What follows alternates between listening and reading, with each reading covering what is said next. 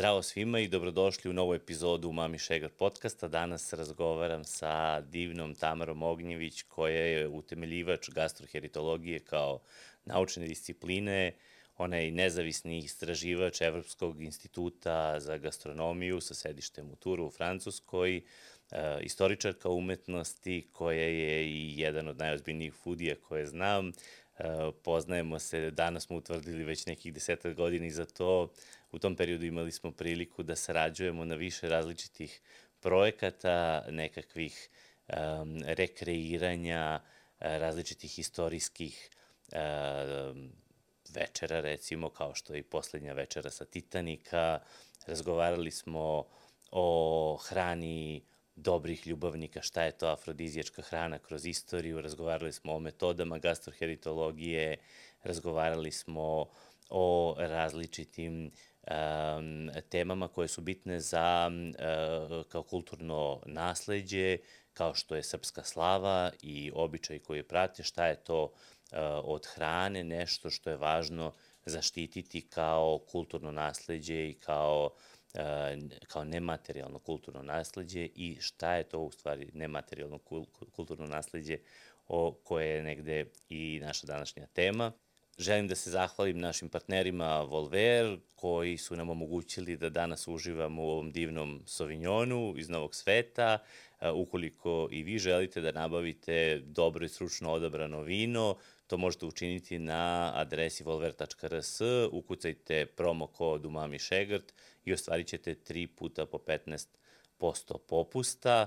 Oni imaju i e, svoju gastro i vinsku prodavnicu u Mileševskoj broj 3 na Vračaru, pa ukoliko vam je lakše tako, možete e, svoju vinsku i gastro nabavku obaviti tamo lično.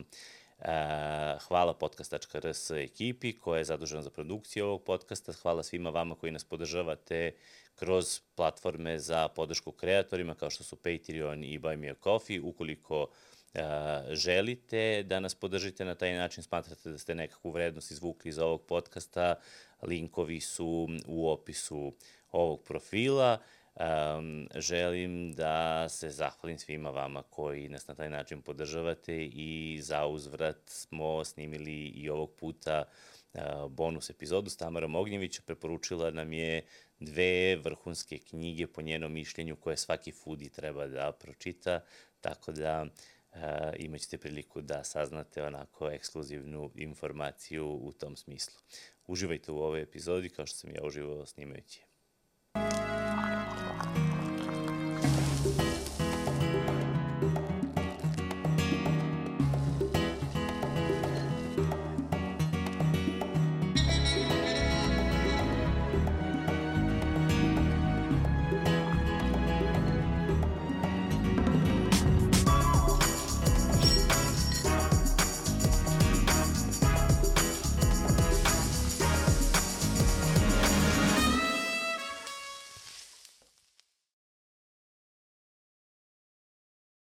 Draga Tamara, dobrodošli u podcastu Mami Šegret. Jako mi je drago da ste danas ovde sa, sa nama, sa ekipom i sa mnom i da ćete biti moj gost. Razgovarat ćemo o nečemu što je, pa ja verujem, još uvek onako e, nepoznanica za veliki, za veliki broj ljudi, čak i koji su u gastronomiji, a to je gastroheritologija, to je ono čime se vi bavite i, i negde da bih voleo da, da razjasnimo da razjasnimo možda za početak te neke termine, otkud jedan otkud jedan istoričar umetnosti u, u gastroheritologiji i, i šta je to ono, šta, šta je to ono što, što vi danas radite?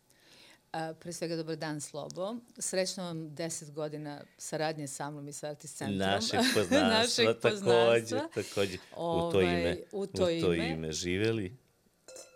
Pa bar da toj deseci dodamo još jednu nulu, jel?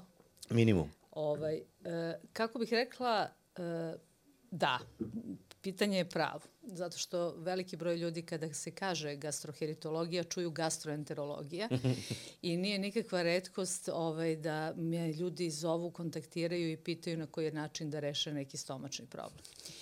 E, gastroheritologija je pojam koji je nastao iz jednog, jedna skraćenica pojma za gastronomsku heritologiju. Heritologija je nauka o nasleđu I ova konkretna gastroheritologija se zapravo bavi gastromskim nasleđem kao posebnim vidom nematerijalnog kulturnog nasleđa. Mm -hmm.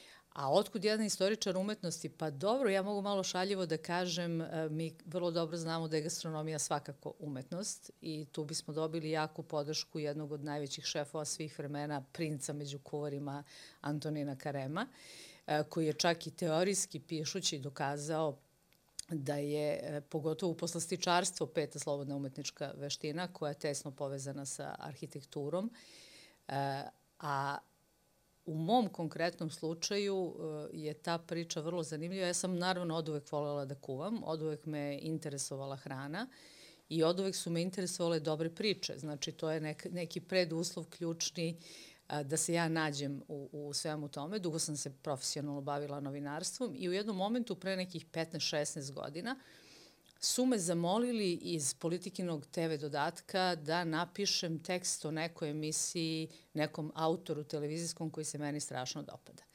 I naravno ja sam bez da sam trepnula, rekla to je Antoni Bourdain i napisala sam jedan tekst e, pod naslovom Muškarac sa velikim nožem.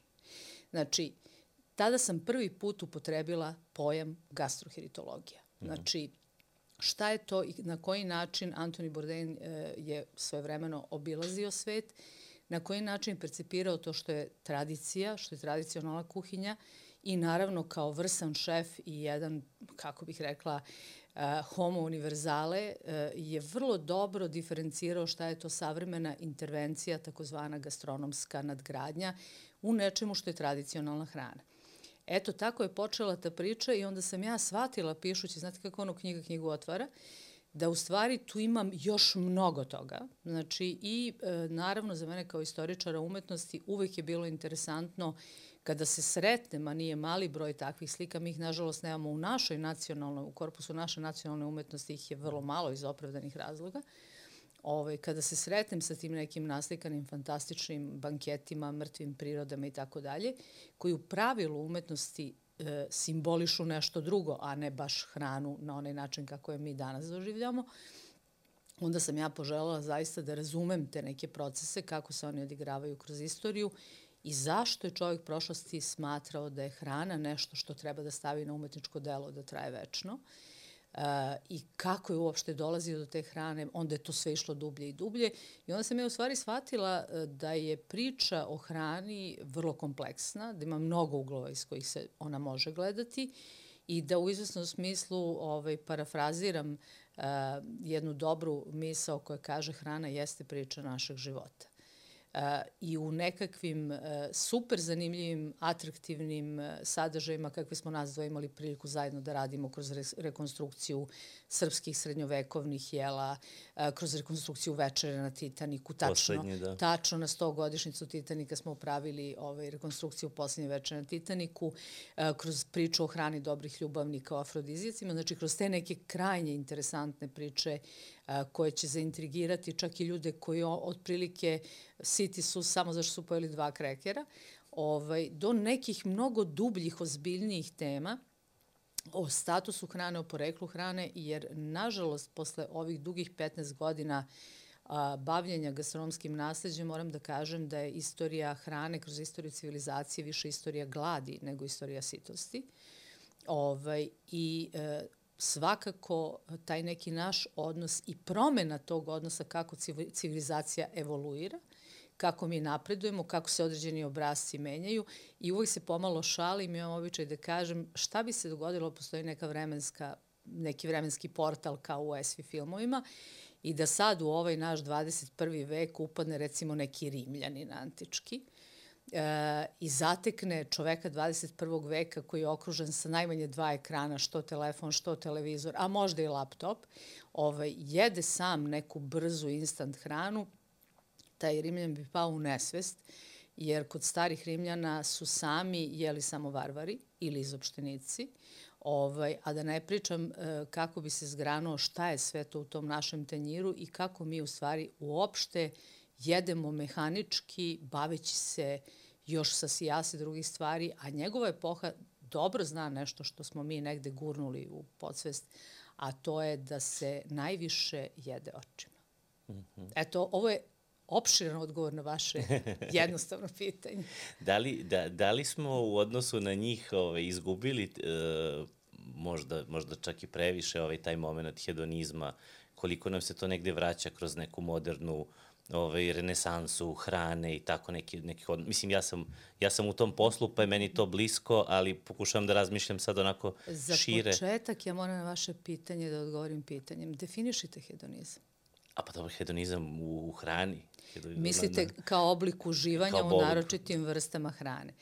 Pa mislim da, da bismo i na tom planu mi negde sa tim nekim ljudima prošlosti, sa nekim našim precima, imali vrlo ozbiljan sukob, vrlo ozbiljan Mišljenje. dijalog, ovaj, e, iz jednog jednostavnog razloga što, e, kako to kažu antički mislioci, mi se ne okupljamo ovde da bismo jeli, nego da bismo jeli zajedno. Znači, e, hrana je samo jedna poveznica u tom procesu i naravno ono što dodaje tom, da tako kažem, performansu hedonističkom i to je nekoj težnji kroz vreme da se pojave neki posebni šefovi, posebni majstori da pripreme hranu na određeni način, jeste činjenica da kroz vreme hrana statusni simbol.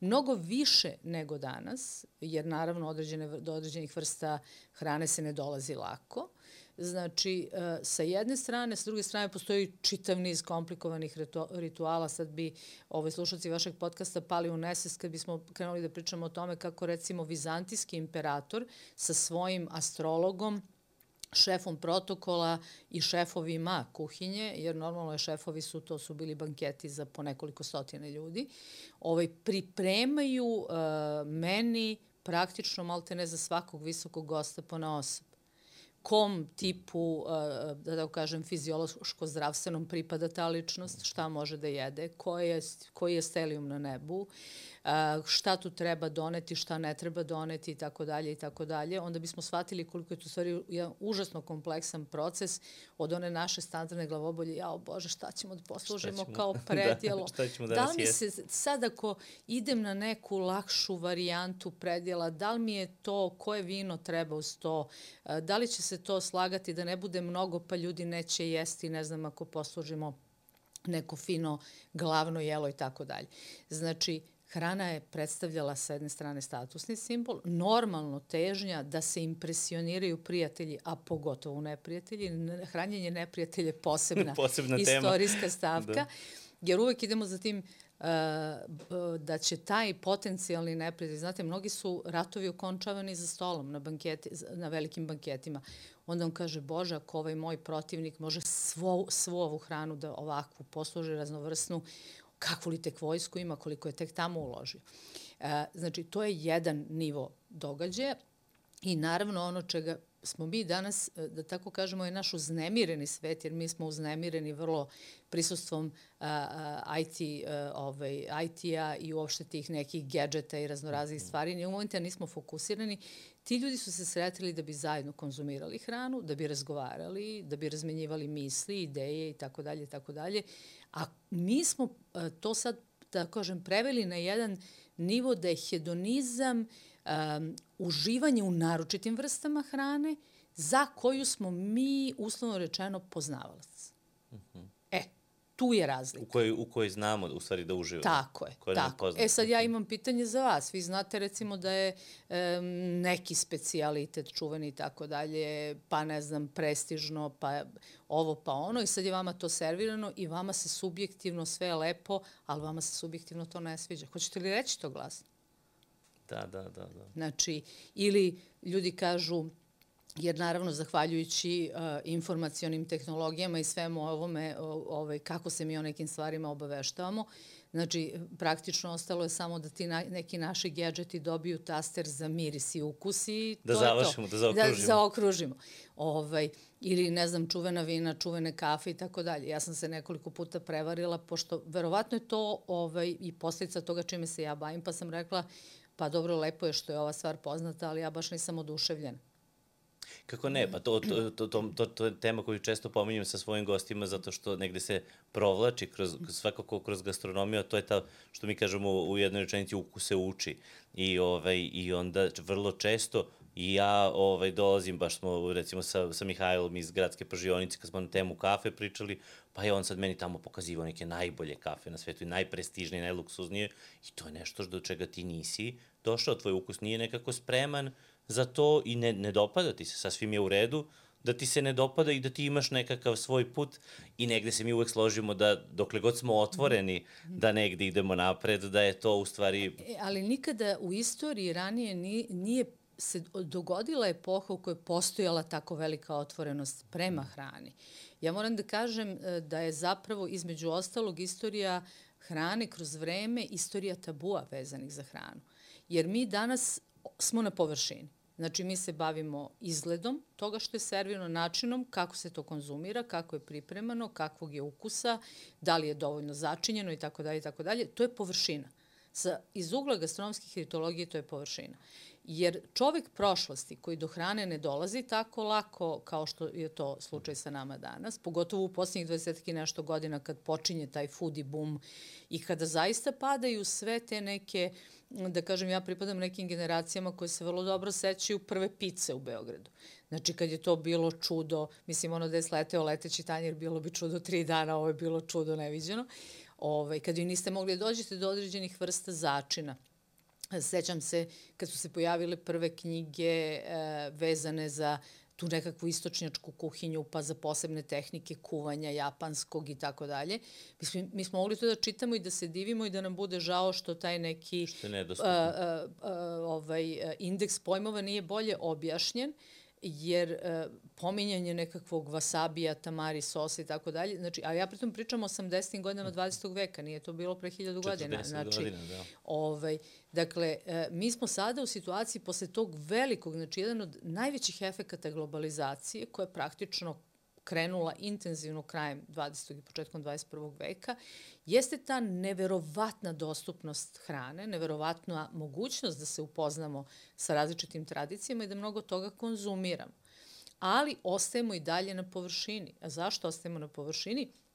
Zato što hrana kroz vreme, upravo zato što je teško doći do nje, pridaju joj se određeni božanski ili pak, s druge strane, uvek postoji crno i belo, demonski kvaliteti iza čoveka prošlosti i ne tako davne prošlosti.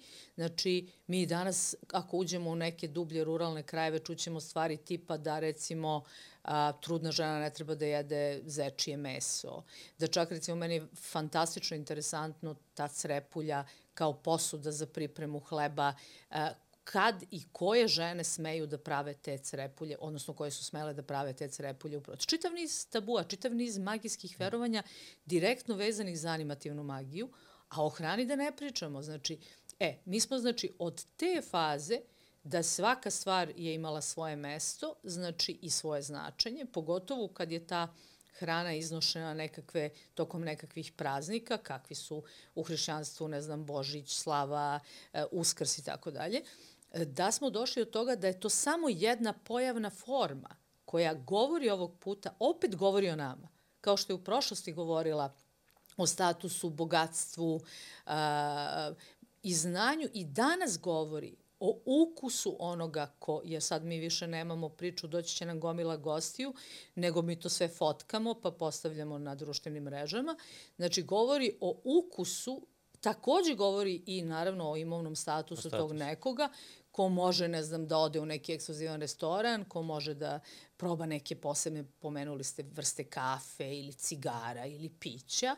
Ovaj, e, tako da, e, e, ali nestaje taj, nestaje taj neki možda jedan mali, mali, mali deo koji je vezan za dijetetiku, za ishranu, ma da, to je super, znaš, ali kao linija, ovaj, morao bi da vodim računa, ima mnogo masti, ima mnogo zasićenih masti, ne, ovo je super, e, ali non stop smo na, na mainstreamu marketinga, e, pojavi se, ne znam, spirulina, ajmo svi po spirulini, da. pojavi se, ne znam, ovo, e, juče, prekjuče sam čitala jednu izvršnu studiju da je na nekih 200.000 ispitanika rađena analiza da li avokado zaista ima te performanse koje mu se, koje mu se pridaje. Koje mu marketing pridaje. Jedan dobar deo toga naravno ima, ali se podrazumeva, pošto je u pitanju jedna biljka koja sadrži veliki, veliku količinu tih esencijalnih masti, da ovaj, bez obzira što je divno konzumirati ga ono kad pravite one namaze ili već neke kombinacije, da ipak morate malo da vežbate i da se krećete jer ima veliku kalorijsku vrednost. Kalorijsku vrednost, jasno.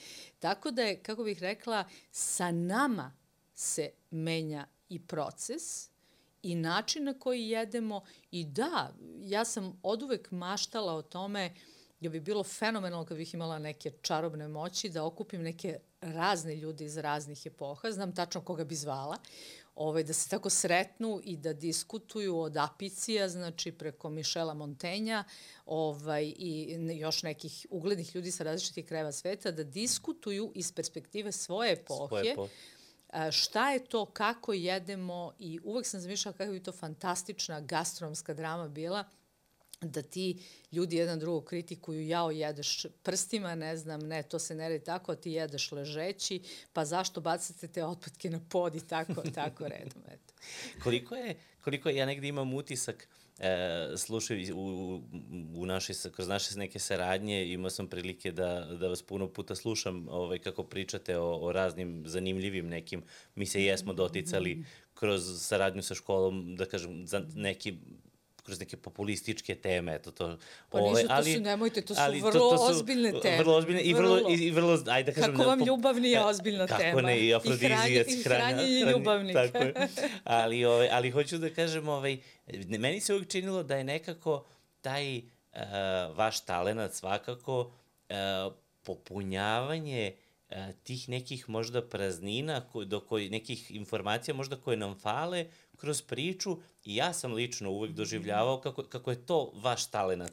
Koliko je gastroheritologija negde uh, precizna i koliko negde imamo tih rupa u, u saznanju.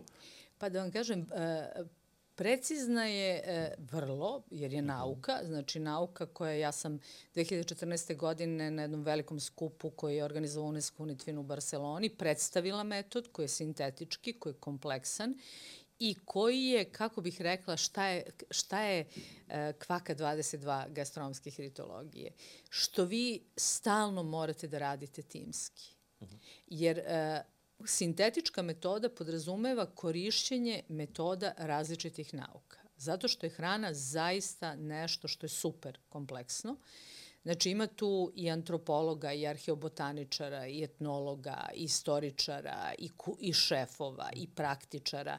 Jer ono što je što gastroheritologiju čini posebnom je što ona ima takozvanu četvrtu dimenziju, odnosno ima dimenziju ukusa, odnosno te, kako ih mi nazivamo stručno, idealne rekonstrukcije, jer mi kroz, zašto idealna rekonstrukcija? Zato što pokušavamo da se maksimalno približimo tom nekom autentičnom proizvodu, što naravno nije moguće 100%, pre svega zbog evolucije poljoprivrede i uopšte raznoraznih, ali znači ti kroz neke tehnologije i namirnice koje su po kvalitetu najbliže tome što su se jelo u prošlosti, e, damo ideju kakav je ukus te hrane koja se jela u prošlosti i to je jako bitno jer mi vidimo kroz to da je u stvari profesorka Ksenija Borović koja je takođe dolazila u Il Primo svoje vremeno u pravu sa tom svojom pretpostavkom da naše nepce evoluira. Končno mi živimo i sada u jako brzom vremenu, pa vidimo uh, da nam ne leže isto ruska salata u kojoj smo uživali pre 40 godina, ovih dana nam više leže neke, neke druge stvari. Uh, ovaj, naše nepce zaista evoluira i veliko je pitanje uh, da se zbilja sretnemo sa, sa tom 100% autentičnom hranom koliko bi koliko ona bi prijela. Dopalo, da, Ali da. jeste, gastronomska heritologija je vrlo tačna. Znači, onoliko tačna koliko i vrlo to što gastronomska heritologija radi je merljivo. Za nauku je jako važno da su stvari merljive, da se mogu analizirati, da se mogu proveriti. Mm -hmm Znači, tako da i taj eksperimentalni deo spada u taj proverljivi jedan od naučnih alata, ali je njena draž upravo u tome što ona zahteva. Šta je posao gastroheritologa? Da kada se svi ti rezultati na određenu temu prikupe, da ih zapravo poveže i postavi u saradnji sa svojim timom u odgovarajući kontekst. Znači, mi smo zaista kod vas u školi 2012. prvi put uradili eksperimentalnu rekonstrukciju pogača iz rasa, jednog originalnog fragmenta srednjovekovne pogače, znamo vrlo precizno da je pitanju 12. vek, koja je pronađena. Napravili smo rekonstrukciju i za toga smo radili tu takozvanu uh, jedan segment vladarske gozbe. Mnogo, mnogo tih jela smo, jer uh, moram to i to uvek naglašavam, mi nemamo recepte u srednjem veku i ne samo mi. Praksa zapisivanja recepta je stvar relativno novijeg doba. Znači, mi smo na temelju određenih istraživanja pokušali da se primaknemo tome kako je to najverovatnije izgledalo. E, taj projekat je inače Živjeti prošlost 2017. godine dobio nagradu Međunarodnog saveta muzeja za projekat 2017. godine i uradili smo mnogo toga, ali ljudi su se uvijek čudili, jao Bože, koliko dugo taj, taj proces. A kad vi polete da treba se sretnete sa pisanim izvorima, od uh, književnosti do zakona, propisa i tako dalje, arheološkim nalazima, znači religijskim praksama, uh, arheobotaničkim istraživanjima. Mislim, cela jedna šema, mapa, onda u stvari shvatite koliko je pitanje ishrane kompleksno. I naravno ono što sam ja uvek želela i kao istoričar umetnosti i kao gastroheritolog, kao istraživač, ono što mene lično vuče i zato to, vi kako to lepo kažete, te priče zvuče zanimljivo, ja, meni su, za mene su i umetnost i hrana jedna vrsta, što bi rekao Harry Potter, teleportacionog predmeta, jer ja želim da vidim tog čoveka prošlosti. Želim da razumem kako je on živeo i želim da razumem i taj njegov ukus i zašto se njemu nešto dopalo i zašto je baš naručio takvu sliku ili mu se sviđala takva knjiga, zašto, mu se do, zašto je baš tu konkretnu hranu smatrao posebnom.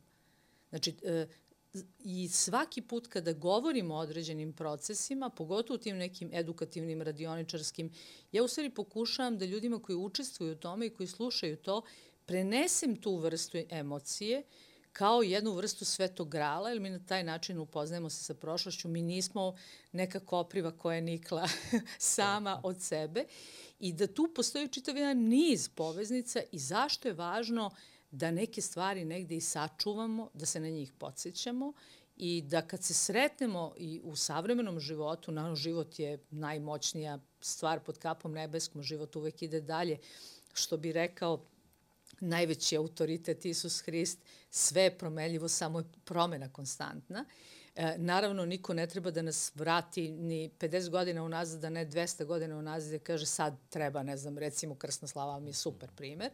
Slaviti slavu tako što će dame da dođu libade, ovaj, e, dukati, da se devojke, žene ne sedaju za isti sto sa muškacima. Mislim, prosto te stvari, to, taj pokušaj da se vratimo u prošlost na takav način nije ovaj, nemoguće i ne, nije nešto što može dugo da traje i nije to cilj bilo koje nauke o nasleđu i bilo koje zaštite kulturnog nasleđa.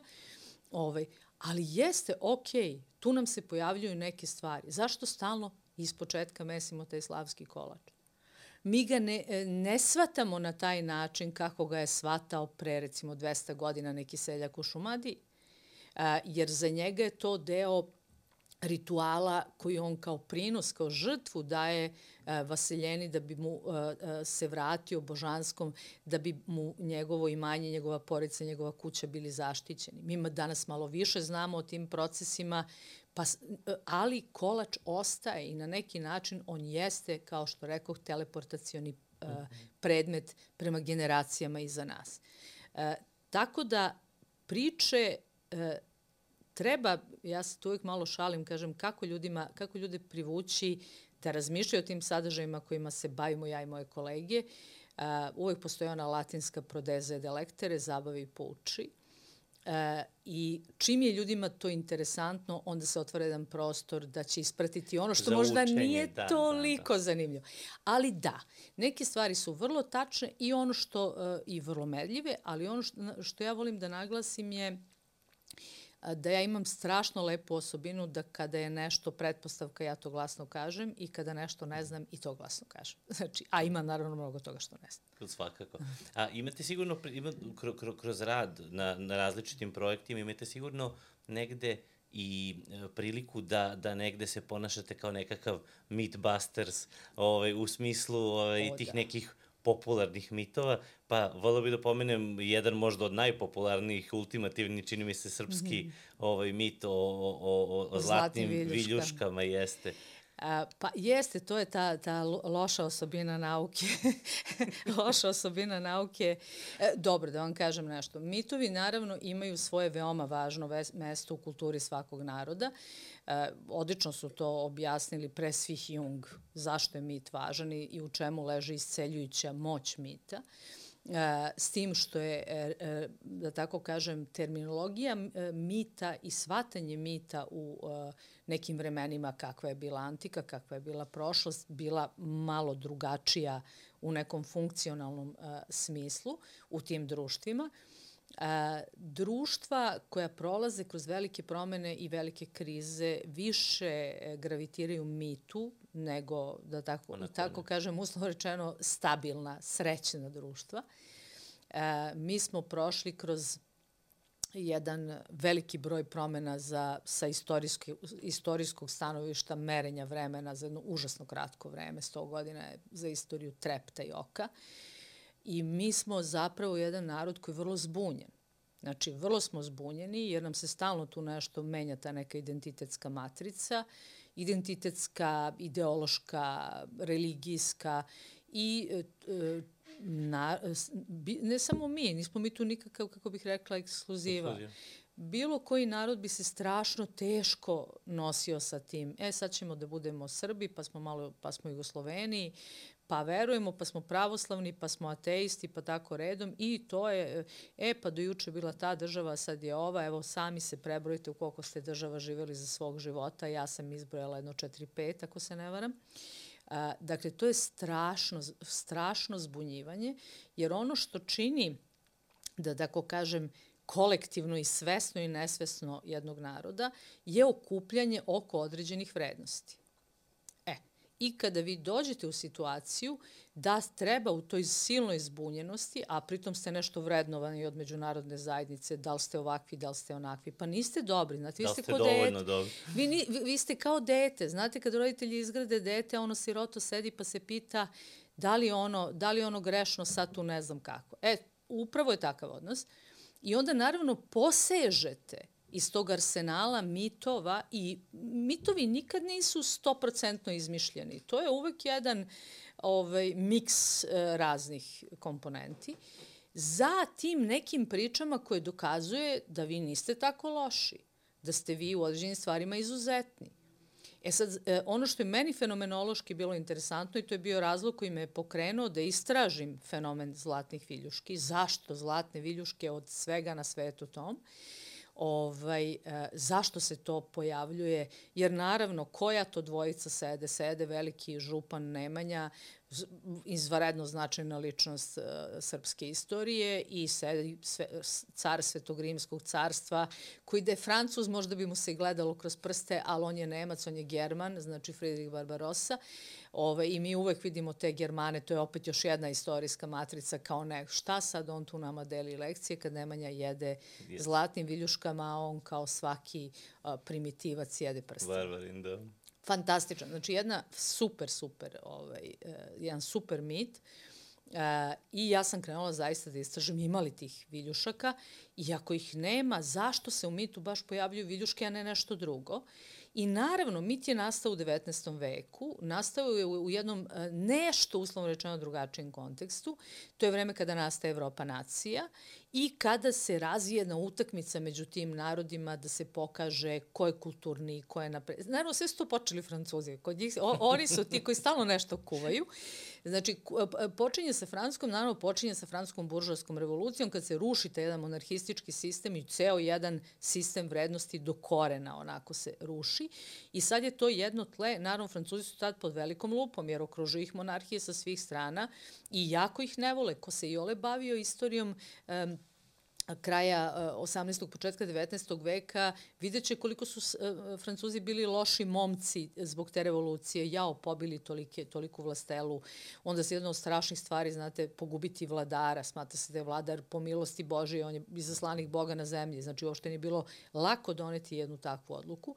Međutim, mi znamo da je giljotina radila danonoćno i da su na kraju na njoj završili neki, neke vođe francuske revolucije. E sad, Francuzi su uh, morali da osvoje jedan prostor u kome će pokazati da čak i bez kralja i bez crkve, jer su sekularizovali državu, oni imaju vrednosti koje su iznad ostalih.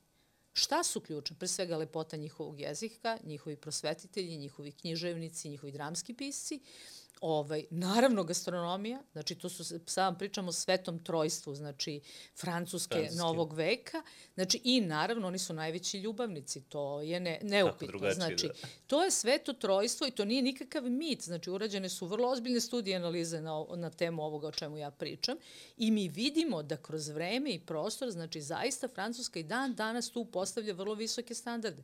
Koja zemlja ima najveći broj kulturnih centara širom planeta, planete, Francuska. E, kada uporedite, mi znamo, recimo za Beograd imamo ove, Francuska ima najveći broj kulturnih centara širom ove sveta. E, borili su se Amerikanci 50. godina da sedište UNESCO bude u uh, Njujorku, međutim, Francuska je dokazala da svojim, svoj, svojim odnosom prema kulturi zaslužuje da ona bude, da Pariz bude to mesto gde će biti sedište UNESCO. I to je vrlo ozbiljan, vrlo ozbiljan deo kulturne politike i strategije u kulturnoj politici Francuske republike to.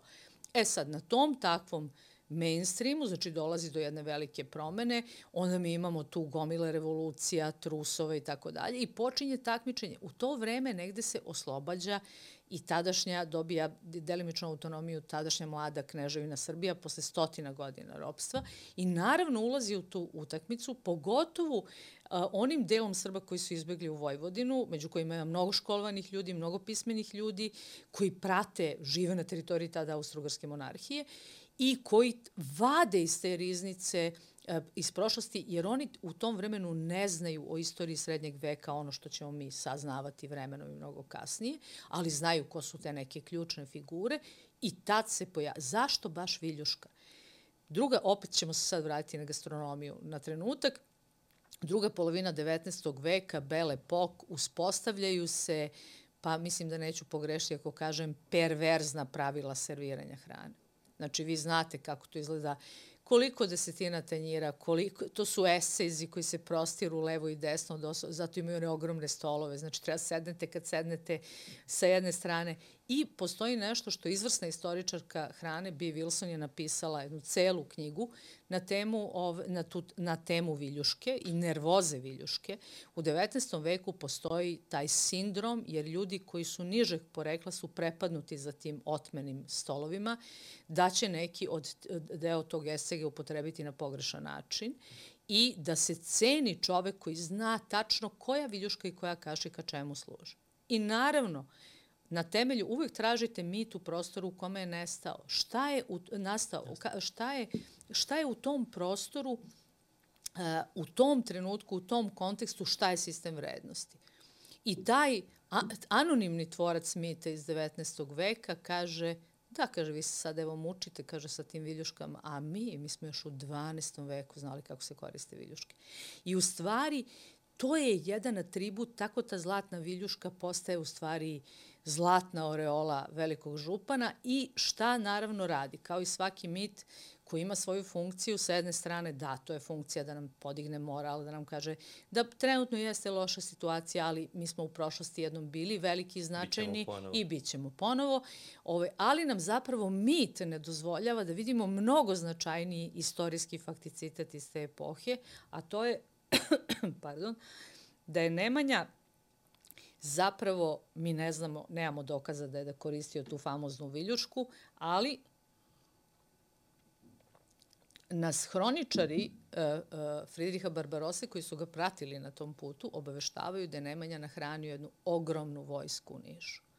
I mi od te zlatne viljuške zapravo ne vidimo ogromnu ekonomsku moć i status, ne vidimo od Nemanjenih manira Nemanjenu moć.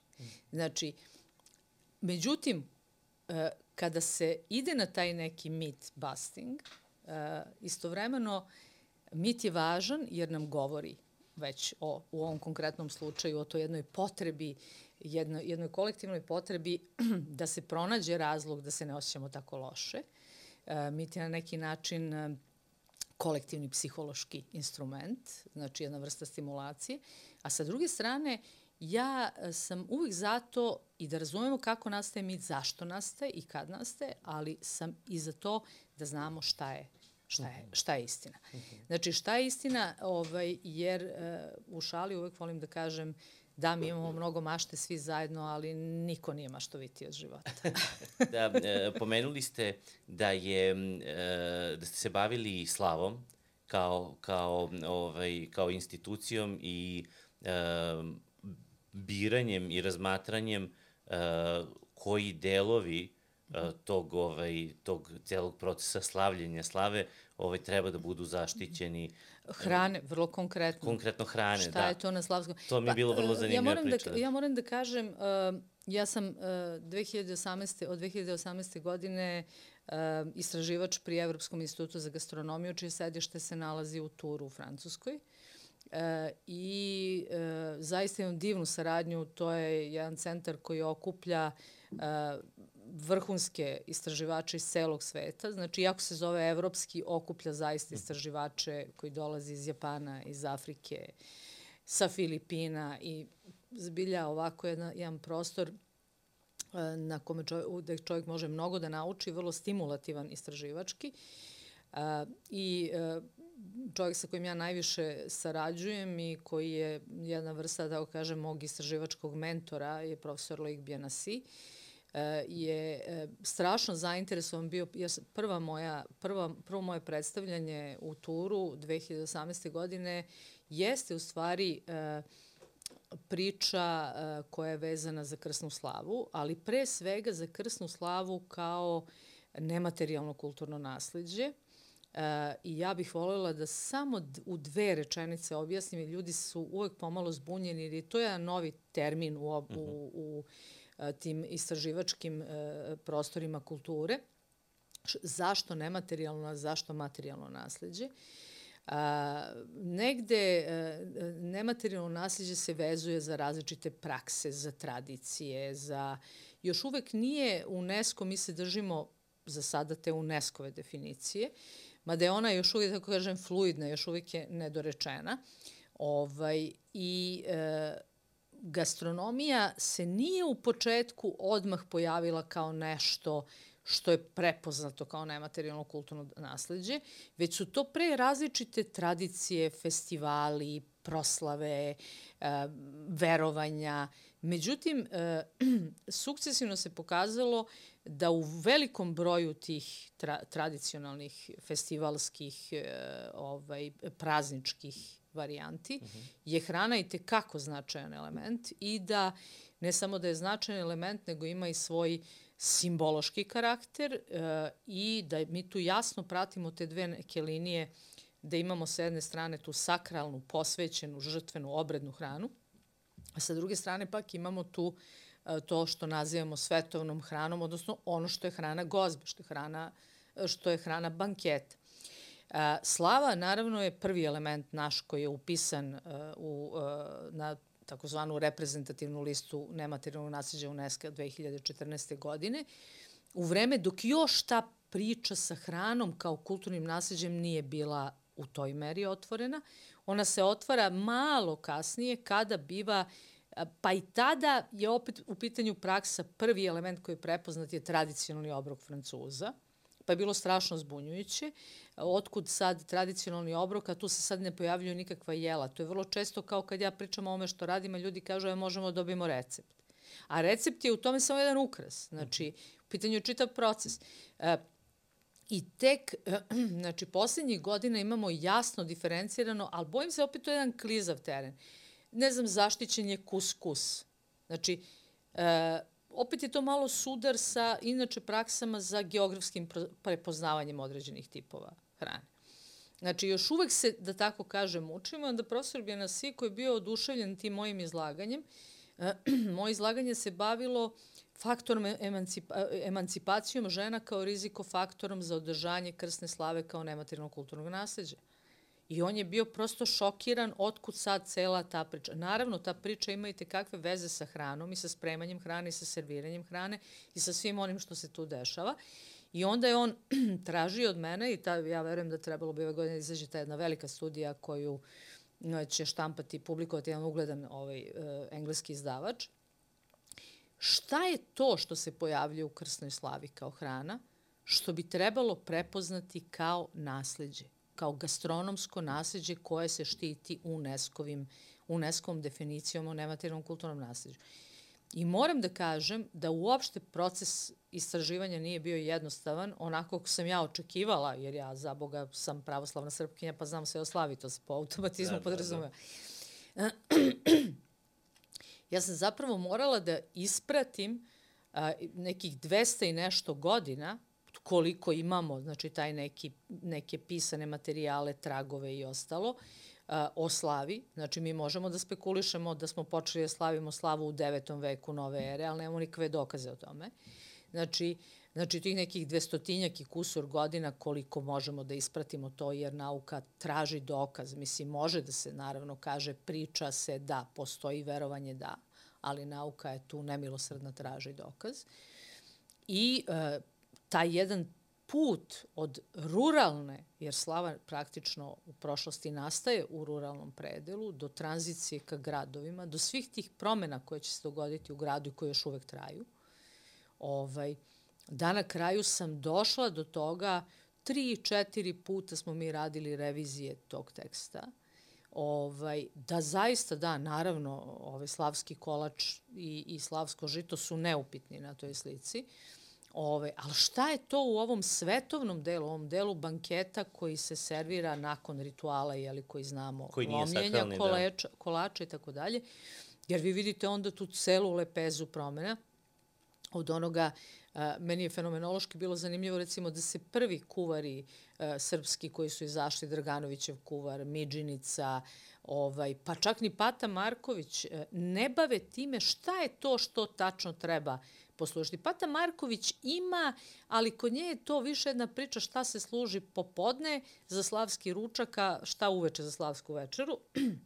šta, e, vrlo malo, meni to fenomenološki bilo zanimljivo, pogotovo mi je Draganović koji za koga znamo da je bio kuvar patrijarha Rajačića interesantan, očekivala bih da kod njega vidim te detalje, međutim ne, znači ne. Osim te neke priče kako se priprema koljivo, kako se priprema žito, ni slovca, ni o slavskom kolaču, niti o bilo čemu. Ovaj, I ono što vidimo, šta je to tu? E, pečenje, pa ne mora, mislim, trebalo bi tradicionalno, jer to je pričamo kad je u pitanju slavski kolač, to je beskrvna žrtva, pečenje ili riba su krvna žrtva. Međutim, kao što znamo, danas pečenje ne mora biti obavezno na stolu slavskom. Slava ne mora biti posluža na način kako je to rađeno recimo krajem 19. ili čak i u prvim decenijama 20. veka. Znači ona može biti postavljena kao švedski sto. Ljudi mogu se šetaju po prostoru. Dakle, ali šta se neizostavno pojavljuje, bez obzira koje je posne, ali će biti neki suši i jastog, a ne neki šarani prebranac posni, ono što se uvek definitivno pojavljuje, to su sitni kolači. To je trademark srpske slave, znači slavski kolači, ti sitni kolači, kolačići, zalogajčići. Međutim, mi te sitne kolače nemamo u seoskoj slavi. Ti sitni kolači dolaze sa gradom i mi vidimo, u stvari, nama je slava strašan prozor kroz koji vidimo te naše pretke, kako, se oni, kako oni stižu, recimo, u Beograd, ko već živi u Beogradu, da tu postoje u trenutku kada knez Miloš prestoni, preseli svoju prestonicu u Beogradu oko 1830. godine, da tu žive i Grci i Cincari, e, e, i Turci i, i Germani i, i svega i, i koje čega ima. I da taj naš čovek koji je još uvek zbunjen u toj urbanoj sredini, od koga preuzima određene prakse, jer cincari imaju imendan, i u okviru tog imendana, koji je vrlo sličan našoj slavi, Oni ne poslužuju te bankete, već poslužuju isključivo sitne kolače, slatko, likere, rakiju i takve stvari. I da mi u stvari kafu, da mi u stvari iz te cincarske prakse preuzimamo te sitne kolače i tu, to kafenisanje i služenje rakije, što su stvari jedan segment koji podrazumeva posluživanje onih koji ne sedeju u to vreme za slavski sto, jer se prostor naravno smanjuje i jer mi više nemamo tu seosku mogućnost kogod došao na vrata dobrodošao. I pojavljuje se, znači u, u grad menja način života, pojavljuje se potreba da se pošalje pozivnica ko će doći, kad će doći, a ovamo opet doći će neki ljudi jer sramota je, znamo da se slava ne čestita, pa i njih nečim treba poslužiti, e taj moment kafe, rakije, likera za dame, jeli, tih raznih višnjevača i šta je već servirano. Slatko. I sitnih, slatko da. obavezno. I to je zanimljivo. Selo takođe, ruralna praksa ne poznaje slatko. Slatko je takođe nešto smo mi od cincara, da tako kažem, uvezli. Možemo da ga pratimo, tu praksu ukuvavanja voća, ovaj, daleko ima čak tragova i u vizantijskim izvorima da ta, takva pra, praksa postoji. Ali moram da kažem da je za mene to fenomenološki bilo vrlo zanimljivo, a pogotovo mi je bilo zanimljivo koliko zapravo malo znamo o cincarima. Znači, koji su strašan upliv napravili na određene e, naše navike kada je u pitanju hrana, kada je u pitanju gastronomija. Konačno, držali su veliki broj kafana i bili poznate kafeđije. Ja sam na osnovu istraživanja koje sam pravila svoje vremeno došla čak do zaključka da mi njima taj ajvar možemo da zahvalimo, znači i da je to pre svega kafanska hrana.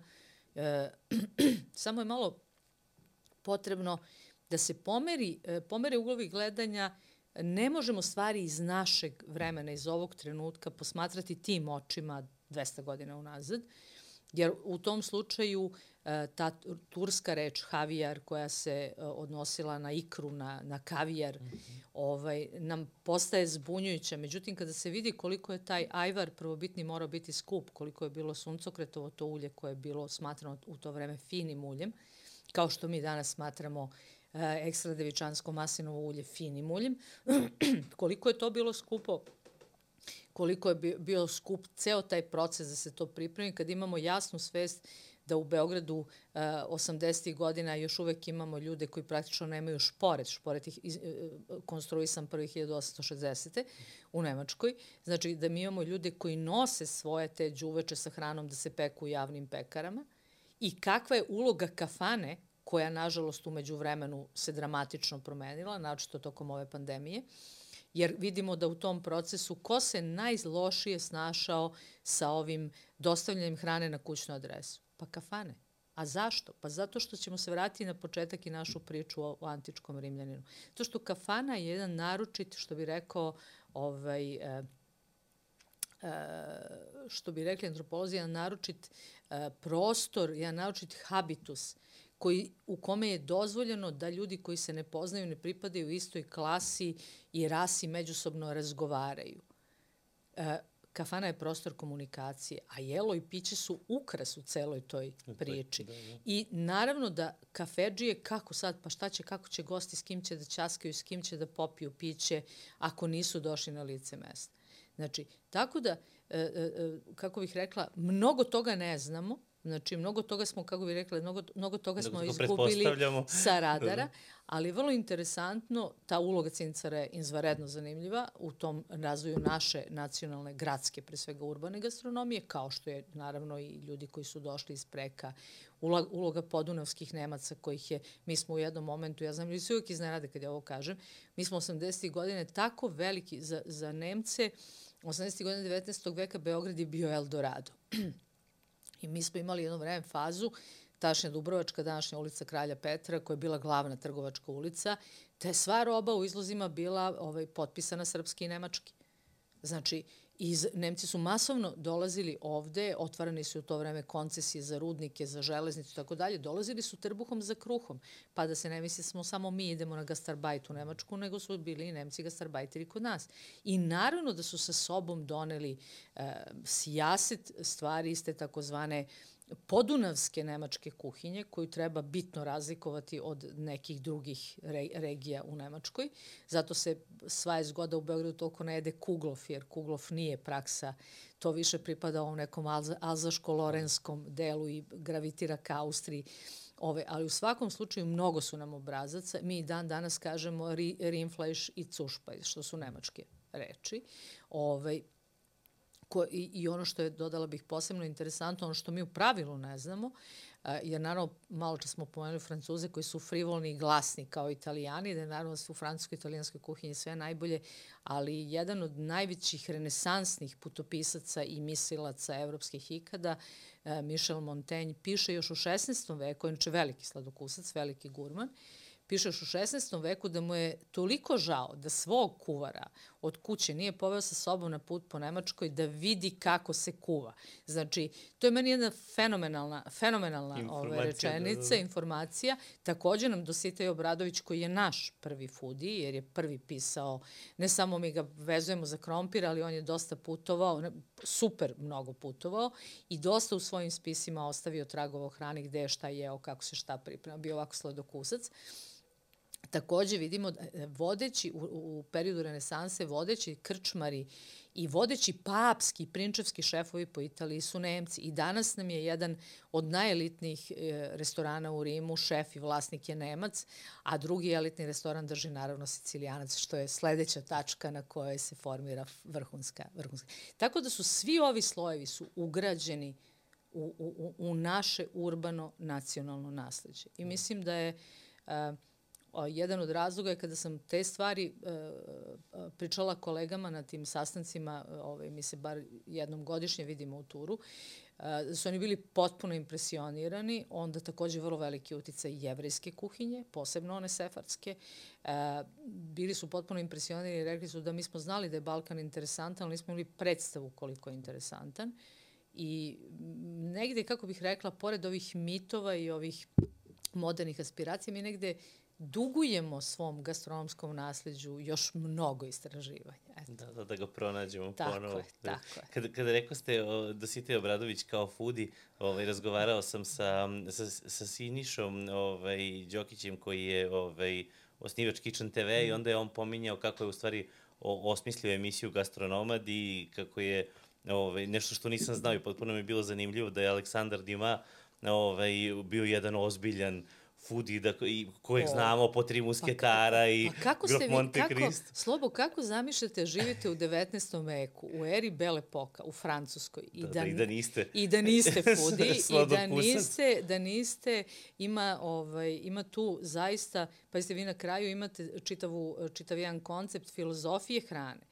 Znači, da, da čak jedan uh, vrlo ozbiljan i pomalo mračan filozof kakav je Sarter ide toliko daleko u analizi da na osnovu izgleda i sadržaja kolača može da proceni, ovo je sad naravno vrlo gruba interpretacija, može da, e, e, jasno vam je zašto su e, Nemci, Francuzi i drugi narodi, zašto imaju određene odlike na temelju kolača koje jedu. Ja, ja da nisam to čitala i držala u svojim rukama, ne bih verovala da je Sartre tako nešto napisao. Ali vi zaista imate jako puno ozbiljnih filozofa ne samo modernih, nego i u prošlosti, koji se i tekako bave hranom. Ja sam naravno veliki ljubitelj e, i potpuno sam opčinjena Michelom Onfreom, koji je e, insistira na uspostavljanju e, parametara, da tako kažem, filozofije hrane, filozofije gastronomije. Izvaredna njegova knjiga Gastronomski um je prevedena i kod nas. Uh, i objavljena, aha, ima, e, eto, e, eto, eto, e, gurmanski um, da. Koliko puta ovaj, smo je ovaj, pominjali u podcastu znači, do, do sada. I uopšte kompletna njegova, njegov manifest hedonizma, znači je jedan vrlo, kako bih rekla, jedan vrlo veliki novum, jedna nova interpretacija jednog etičkog hedonizma, što je, naravno, uključuje sve ono što čoveku čini zadovoljstvo, a rekla bih da je kod Onfreja hrana tu svakako zauzima vrlo, vrlo visoko, mesto. mesto. Ovaj, ali naravno postoji, postoji mnogo, ovaj, mnogo filozofa, mnogo ozbiljnih filozofa koji su se i tekako bavili, jer su razumeli da hrana nije samo hrana, da je ona i tekako važna i da sve one osobine, jer čovek ima tu potrebu, to je ta animativna magija, da učitava značenja da sebi, konačno mi smo smrtni. Znači, e, sama, samo činjenica, činjenica hranjenja podrazumeva da nekome nastojite da produžite život. Zašto je hrana uvek sastavni deo gostoljublja? Zato što time pokazujete da imate dobru nameru prema onome koji je došao. I zašto je naravno sastavni deo priče Vi i ja smo pravili hranu dobrih ljubavnika. Zašto je sastavni deo priče ljubavi? Pa naravno da želite da produžite život, da osnažite, da popravite zdravlje ljudima koje volite. Mislim, to je tako ne. iz krajnje sebičnih razloga da biste duže uživali da sa njima. tako. Šta je hrana dobrih ljubavnika? Istorijski, A, pa koga pazi, imamo tu od pa, onako Pazite, ja sam, ja sam evoluirala umeđu vremenu. Zaljubljeni ljudi uopšte nisu gladni, znate. zaljubljeni, ljudi kad se zaljube, oni apsolutno zaborave na jelo, piće, nema efikasnije dijete. Ovaj, ali eto, naravno, kroz vreme postoje naravno e, izvrsna Izabela Allende, beskrajno duhovita. Ja uvek preporučujem tu njenu Afroditu, ovaj, njenu čuvenu afrodizijačku kuvaricu. Naravno, ovaj, e, neki put e, imamo silne želje, ali, ali su nam iz nekog razloga male mogućnosti, pa i tu vam se pokazuje taj civilizacijski odnos prema hrani, a slab je, treba ga nahraniti. I onda naravno posežete za različitim namirnicama koje se opet, i opet je to, i to je deo mita, ali jednog vrlo egzotičnog, zanimljivog mita, koje su to namirnice koje utiču, ne znam, na bolju ljubavnu veštinu, na veću izdržljivost tokom ljubavnog čina i tako dalje. I neke od tih namirnica, tipa čuveni, mi mi smo pravili taj ovaj, čuveni celer, ovaj, Madame Pompadour, uh, e, zaista sadrži određene elemente koji su koji mogu pozitivno da utiču na potenciju kod muškarca i tako dalje. Kao što ima sijaset, meni je bilo interesantno kad mi je Aleksandar Medović, ovaj, arheobotaničar Kustos muzeja Vojvodine, koji ima divan, to uvek ljudima preporučujem da se pošetaju do Novog Sada i vide kako izgleda arheobotanički vrt muzeja Vojvodine. Uh, ovaj, da postoje određene endemske biljke, recimo na Petrovaradinu, za koje su uh, u vreme dok su tamo Austrijanci držali svoje garnizone i kasarnu, lokalne prostitutke su uh, brale te biljke i od njih pravile meleme i razne napitke koji su služili da ovaj, poprave potenciju. I u, onda se zabavljam kako je to u stvari jedna užasno mizoginistička priča, jer ovaj, slabo čitam te neke podatke koji utiču na stimulaciju žena. Sve ide u pravcu. Šalim se, naravno, a, ta paleta afrodizijaka je vrlo široka, odnosno e, paleta tih e, nekih naših uverenja, odnosno uverenja e, ljudi kroz vreme, šta sve može pozitivno da utiče. Međutim, ako ste zaljubljeni, a i dalje je najveći čovekov erotski organ mozak, znači ako ste zaljubljeni, verujte mi, vi niste gladni. Kontra... Topite se, sve, sve, sve svi vaši, a, imate, imate samo jednu vrstu gladi, a to je glad za tom osobom u kojoj ste zaljubljeni. Da, da, to je naj, e. najbolja dijeta, definitivno. Definitivno, znači. Zaboravio sam da pitam, e, e, zanimljivo mi je bilo da se vratim samo na sekund, ovaj, vezano, za, vezano za običaj današnjih domaćica koje nekad kritikujemo ovaj, da, da kupuju slavske kolače. Rekli ste mi jedan zanimljiv podatak – A pa to je inače generalno urbana stvar. Znači ta, mhm. taj, e, e, kako bih rekla, u, u pravilu e, božanstvena ovaj, o, o, knjiga vezana za običaj kod Srba pokojnog etnologa Mileta Nedeljkovića koji je bio jedan od najozbiljnijih naših ovaj, istraživača nam između ostalog pokazuje da dok slava obitava dominantno u, na selu, u ruralnim područjima, pre svega mora se taj slavski kolač mesiti od sobstvenog brašna, znači od brašna koje ste vi uzgajili, ne možete idete u radnju da kupite brašna. Znači, e, mora se mesiti od sobstvenog brašna i naravno podrazumeva se i tačno se zna kad i koja žena može da ga mesi. Opet pričamo o onim tabuima, mislim, možemo jedan podcast da napravimo samo o tabuima i o prevarama sa hranom, to su enciklopedijski sadržaj. Ovaj, međutim, kada čovek dođe u grad, pomenu smo malo čas da nema ni šporeta i to mora sve da se nosi u pekaru. I vrlo brzo će se gradska žena raskomotiti da je jednostavnije, jeli. I mi vidimo kod Pate Marković, znači jedno od prvih izdanja njenog kuvara, koji izdala tadašnja politika oči drugog svetskog rata, gde ona u, u, taj, to poglavlje je nakon drugog svetskog rata izbačeno i to je zanimljivo te političke intervencije u kuvarima, pa je se pretvorilo u poglavlje o rođendanima. Znači, pošto se za Boga slava nije slavila, pa šta će u narodnom kuvaru priča o slavi. Ovaj, znači, gde Pata poziva poziva majke da ne naručuju u toj meri kolače iz pekare, Znači, već da sa svojom dečicom umese taj kolač, pa kako god on da ispadne, ali da dečica nešto od te tra tradicije nauče, da vide koliko je to važno. Znači da, da se već taj tada kolač... interveniše, u stvari to što znači, znači da je široko Znači, kako bih vam rekla, ja se malo šalim, nisu krive žene, kriv je grad. Znači, u svakom slučaju, vi naravno sa tom promenom uh, hab, habitusa, uh, sa tom, tim prelaskom uh, seoskog stanovništva u gradove, uh, ta slika se uh, menja po stilu života, načinu života. Nama je danas teško, pogotovo nama koji smo odrasli u gradu, da ukapiramo, nama postane to malo jasnije kad odemo negde na selo, bar na nekoliko dana, ovaj, koliko, je, koliko je u stvari, e, kakvu je e, traumu doživeo taj seoski čovjek, moram tako da kažem, i koliko je radikalno promenjen taj način života. Znači, e, a pogotovo za seosku ženu koja u seoskom domaćinstvu ima 101 posao koji radi i jedan put tu ženu stavljate u grad, stavljate u salon – i ona nema sad ni baštu, ni stoku, ni ne znam ovo ono, ali zato žene su čudo, kao i uvek. Znate kako se ja šalim da je Bog prvo stvorio muškarce, pa je video da je sve pogrešio, onda je stvorio savršeniji model. Znači, ovaj, žene tad stvaraju salone, zakazuju ta neka svoja druženja i ti saloni, Znači, ako ta žena jako malo komunicira u javnom prostoru, pogotovo ako vidite koliko se kasno kod nas pojavljuju i pozorište i raznorazni neki sadržaj javnog tipa, međutim, ti ženski saloni, načito tih žena više klase, postaju jedan ozbiljni centri moći.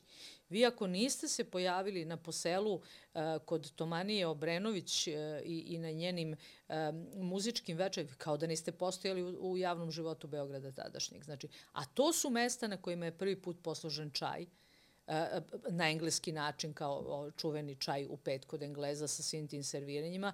To su mesta na kojima se prvi put probaju određeni specialiteti, razmenjuju recepti i tako dalje. Oni su u stvari klice tako nekih je, noviteta. Tako da. je. Onda vi imate, ovaj, e, Tijana Čolak Antić je izvrsno, izvrstan tekst napravila upravo pošto ona e, je e, poreklom iz jedne stare beogradske porodice i saču, sačuvan je sijase tih recepata i njene majke, bake i tako dalje, žene koje su se družile sa tim elitnim krugovima i vidite šta je služeno.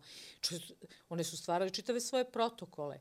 E, kad se služi ova vrsta kolača, kad sendviči, s čim sendviči, ovo uz čaj, ovo uz kafu, ovo ovako. Znači, formirani su određeni paterni, određeni protokoli i naravno, znači, e, kneginja Persida Karadžorđević je onda sa svojim poselima to praktično digla na državni nivo i u stvari vi vidite taj život salona i vidite transformaciju te žene koja od te neke seoske žene pa trgovačke žene se lagano penje jednom tom uzlaznom urbanom linijom i naravno ono što je na selu bila zajednica gde su se međusobno pomagale komšije, pa mobe levo desno, eh, nama je nesvatljivo, mi smo porasli u drugim okolnostima, te žene praktično od početka drugog svetskog rata imaju u kući barem jedan, jednog člana posluge.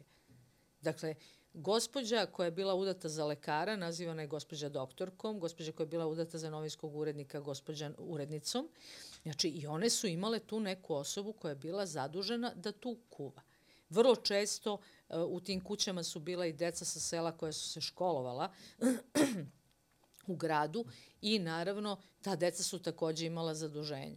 I meni je šarmantno, znate kad kaže ovaj, Kanic, koji je, Kanic, Kanic nas je zadužio, treba da ima jedan pristojan spomenik u Beogradu, ovaj, kad Kanic kaže kad se okupi na velikom pijacu koji se danas nalazi u mestu današnjeg stojanskog trga između kapetan Mišinog zdanja i zgrade etnografskog muzeja, ovaj, a tamo sve silna gospoda, pomoćnici i kuvarice. Znači, a danas kad izađete na pijac, Ko je najviše na pijaci? Pa mi žene, ove emancipovane koje smo sve postigla, smo ostale bez svega ovog ostalog.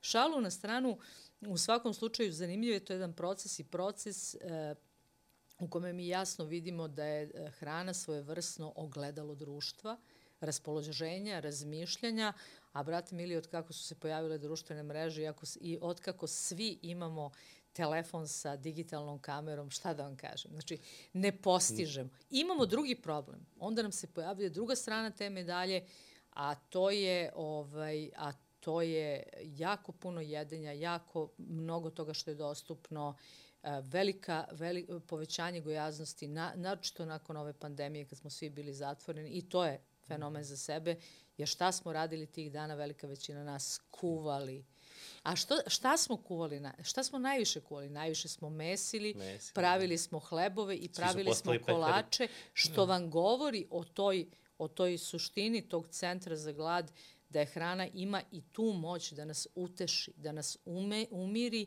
i negde ta, jer ja volim da kažem, znate, postoje tri centra u čovjekovom mozgu, mozak je evoluirao, u mileniju ima mnogo, ali tri centra koja nikad nisu evoluirala, to su ti okidači a, za ovaj, strah, seks i glad. Oni su i danas kod nas isti kao kod pećinskog čoveka. Na primitivnom, da, da. Izvorno. Izvornom, znači izvorno.